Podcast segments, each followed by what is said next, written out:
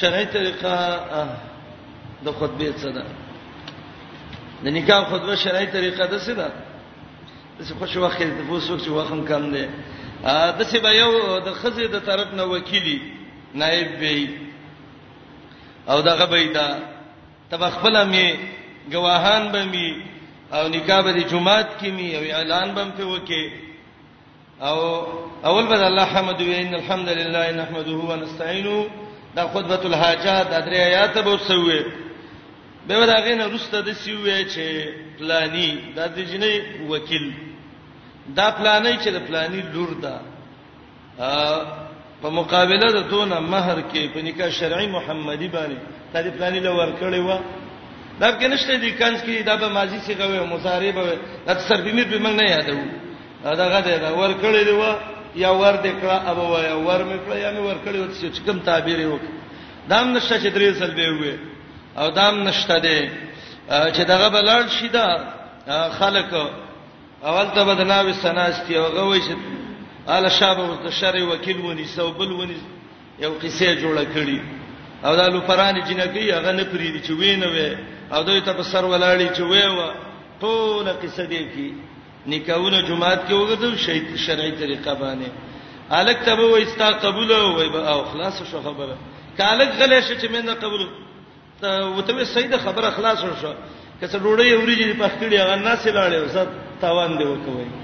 د اسلامي مسر دی وکړي غلي کېدل نه په کار او جنې غلې شو حدیث کې دا چې غلې شو بس دا سمات دی زنده دایم چپواله خالق به وای دای طریقې دي لا جناح علیکم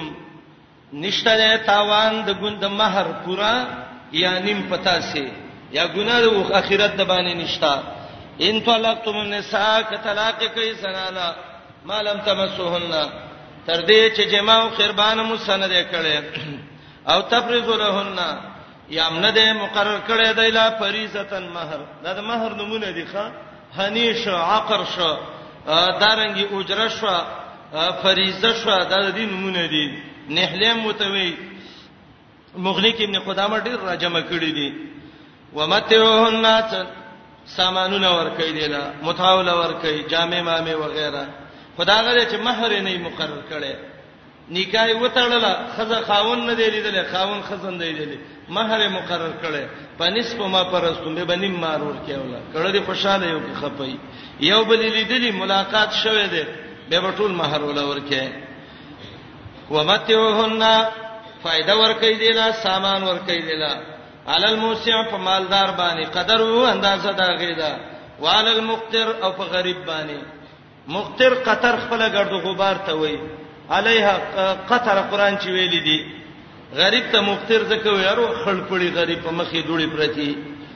قدرو اندازه دا غیدا متان دا سامان ورکول دی بالمعروف د عرف مناسب حقا علی المحسنین دا واجب او لازم دی په خلکو چې احسان کوي احسان کوونکې دا کارو کوي بل مسله وان طلقتموهن کدا خزه طلاق کوي من قبل ان تمسوهن دا مس مس ادبي کلام دی جما او خربان ته مرادي مخکې ان تمسوهن د دینه چې تاسو مس نه کړي دا غي سجما او خربان هم نه کړي وقد فرستم یقینا مقرر کړي می لهن دل فریضه مہر ورکوي بچونه پنسب ما فرستم پس لازم دی پتا سي نیم اغمال چې مقرر کړم دی ځنی مور کولا کپېسی او کده کور سامان ول مہر کې کړی هغه دی لبه نیم ورکی الا ان یعفونا دا استثناء منقطع ده په معنی ده لکن سا او یعفون په معنی ده یترکون سا ده په معنی ده پر خدلو سا او ضمیر د خزو تراجی ده نو معنی ده ده الا یعفونا مگر کفری دي دا خزه ده مہر وته وای زه ته دونه زه د خوخه نوم ما د پیسې نه دی خوخه زه تمات مې کړې دا یو صورت دویم او یا په ولذي یا ما فیو کی هغه سړی بيدیه چې دا غلاس کې غټه د نکاح ده دا څوک دی حدیث د جبیر رضی الله عنه کې راځي امام قرطبي راوړی دی حدیث چې دا خاوند دی خاوند وای زه کیږي دینم ما ما فیو کړه لز سره وی 15000 د کی زړه لز سره واله او یعفو الذی یا معافی وکي هغه خاون چې دا غلاس کې غټه د اختیار د نکاح ده هغه نکاح تړلې مو بیرته اعلان کړاغه نو چې الیک له پیسې دې مرګ ټوله خیر ده او دویم قول امام ابو حنیفه او امام شافعی رحمت الله علیه وایي چې او یا په ولذي بيدیه عقده النکاح دا ولید خزیت مراد ده نو اول تفسیر صدا که خزما پیو کی ټول مال فریدي یا خاون ما پیو کی نو د دواړه طرف ته چا چې احسان وکړ الله به اجر ورکړي او په دې دویم تفسیر ایا فون چې خزي معافي وکي او یا په ولذي یا غسړې معافي وکي چې دا غلاس کې غټه د نکاح دا چې هغه ولی د دې خزي ده د خزي ورور ده پلار ده هغه یې ځپلانه ورکه غټولو ته پرېدا الله ترغیب ورکه یا کوتا وان تاسو کما فی وکي تاسو اقرب للتقوا دا ډیر نږدې دی حاصلولو د تقوا د الله به تقوا او پرهیزګاری د بکرا ولی خزه او خاون یو بل ستلاق معاملې رااله د سینه چې د خزي قومین او د سړی قومین دښمنی شروع کی نه ولا تنسوا الفضل مېروي هغه خپل ولی او اسلامي ورور ولی بینکم پمن ستاسو کې ان الله بما تعملون بصیر یقینا الله ستاسو په عمل لیدون کې قلی صاحب زر پس پس مې روي الفضل فضل خپل معنی احسان او زیتی دلته د اسلامي ورورولي مراد ده مې روي هغه اسلامي ورورولي په مین ستاسو کې زه طلاق کوم اسلامي حکم مدام پکې رال یقینا الله ستاسو په عمل له بصیر لیدون کې حافظوا علی الصلوات والصلاه الوسطى وقوموا لله قانتين شپارسم حکم د تدبیر المنزل طلاق مسلو کې اخته شو سنه چې بل مال نشمون پرې نه دي امور مصلحه د تثبت او د ته ختمه بالمسک وي پابندي وکي دا باندې مفاعله د غرض پکې تکرار او دوام دی پابندي کوي امشواله کوي په ټولو منځونو باندې والصلاه الوسطى خاص کر په درمیانه مونږ مرفوع حدیثونو کې د مازیګر مونږ ده بعضو روایتو کې صدا دي خصائب دي والصلاه الوسطى صلاه العصر د مازیګر مونږ بعض علما لکه صاحب د لوباب هدايه مولا د آیاتونو نه پنځه منځونو فرضیت ثابت کړي دي یو دا صلوات جمع د اقل درې دي صلات الوسطا دا مستقل منځ صحیح شو او منځ کله مستقل کیږي چې دواړه طرف ته د دین منځونه نو درې او دوا پنځه منځونه شو وقوم لله قانتين صلات الوسطا څه شی ده امام قرطبي وایي چې په دې کې د علماو نور علماو وایي ډیر قولونه دي تقریبا ولس قوله د علماو دي راجح دا دی چې دا د مازیګر مونږ دی د امام نووي قول ما ذکر کړو چې هغه ترجیح دی لور کړو چې دا د مازیګر مونږ دی که حدیثو کې راغله څوک وای دا د مسپخین مونږ دی ذکر سار مازیګر مینس کې دی څوک وای ما دغه دی ما خام دی ځکه دا د ماسخوتن او دغه مینس څوک هر مونږ درمیانه دی خوخه خبره ده چې مازیګر مونږ ته مراد دی قانتين زهاک عبد الله ابن عباس وای قران کې چې قنوت راشي په معنی د اطاعت او تابعداري سي الله له ودرېږي تابعدار مجاهد وای معنی دا الله له ودرېږي عاجزي کوونکی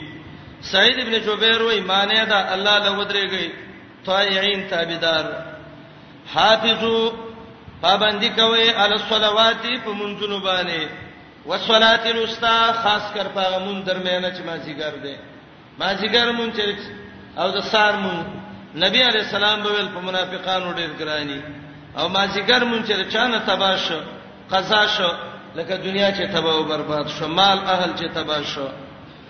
وقوموا لله ودرګي الله لا قانتين تابعداري کوونکي فإن خفتم فرجالا أو ركبانا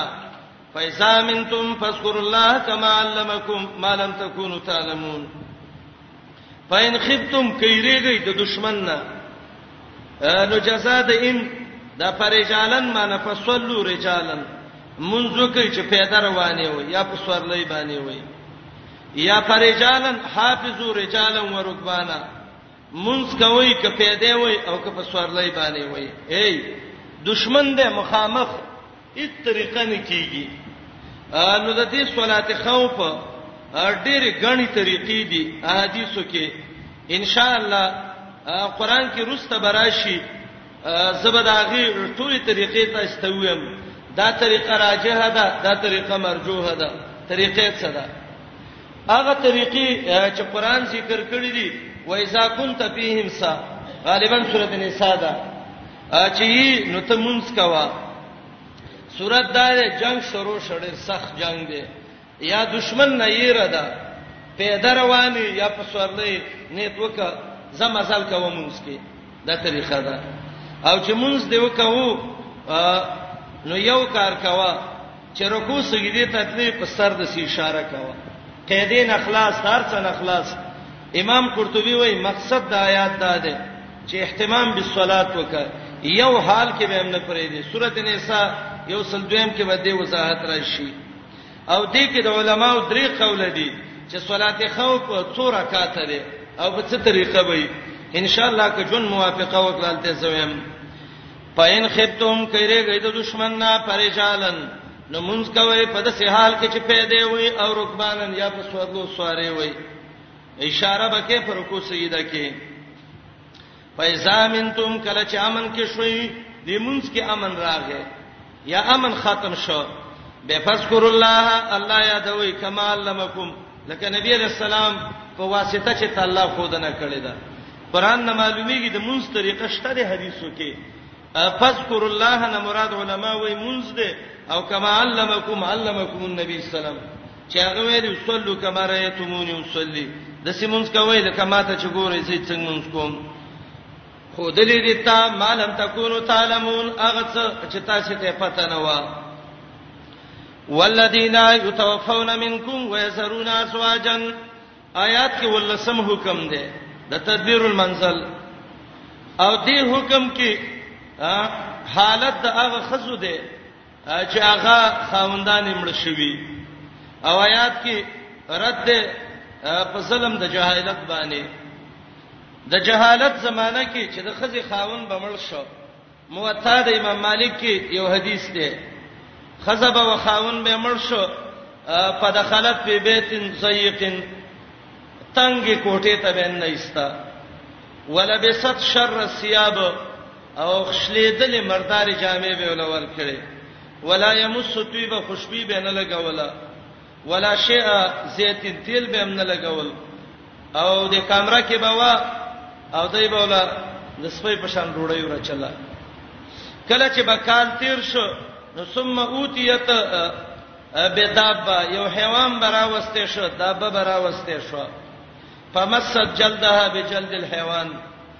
دی به خپل څرمن دا غیر څرمن څه وصول ولا حدیث کې غني معنی ظاهري معنی دا ده وخرجت بصوره سیئه یو بدل شکل کې ځکه کال ته مخ ویمین د شی ته جوړیږي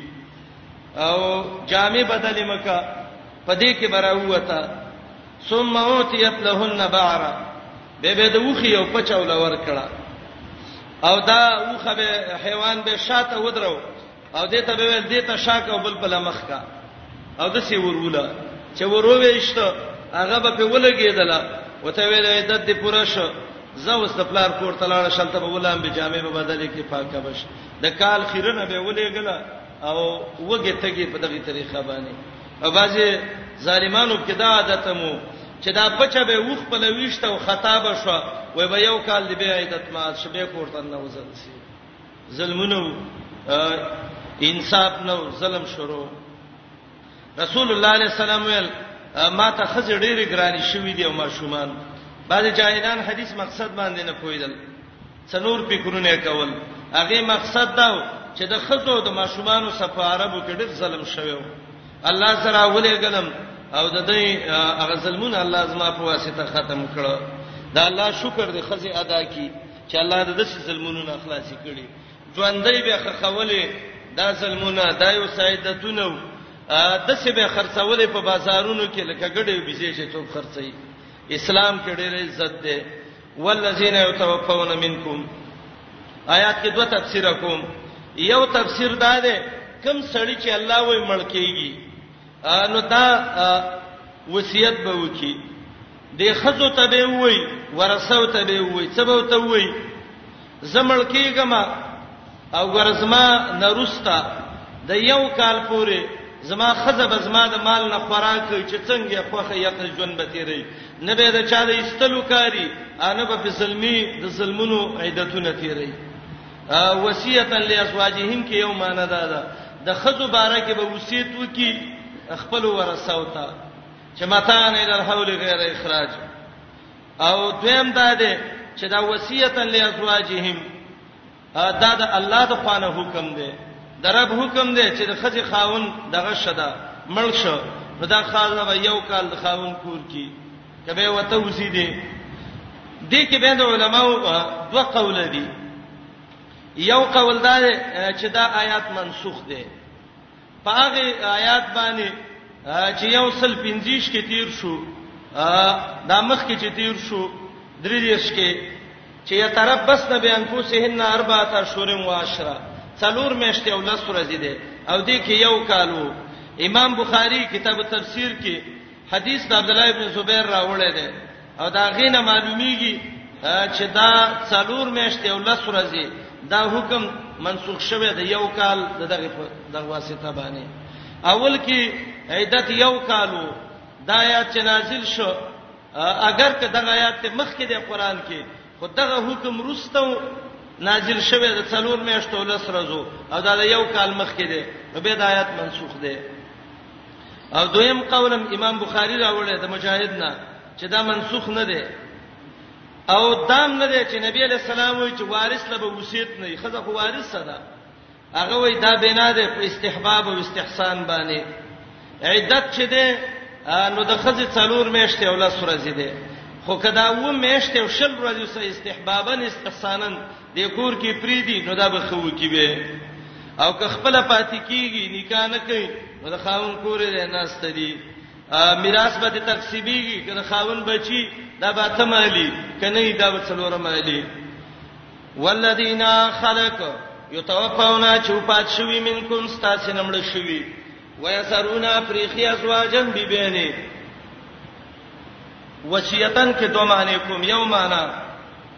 فلیوسو وصیتن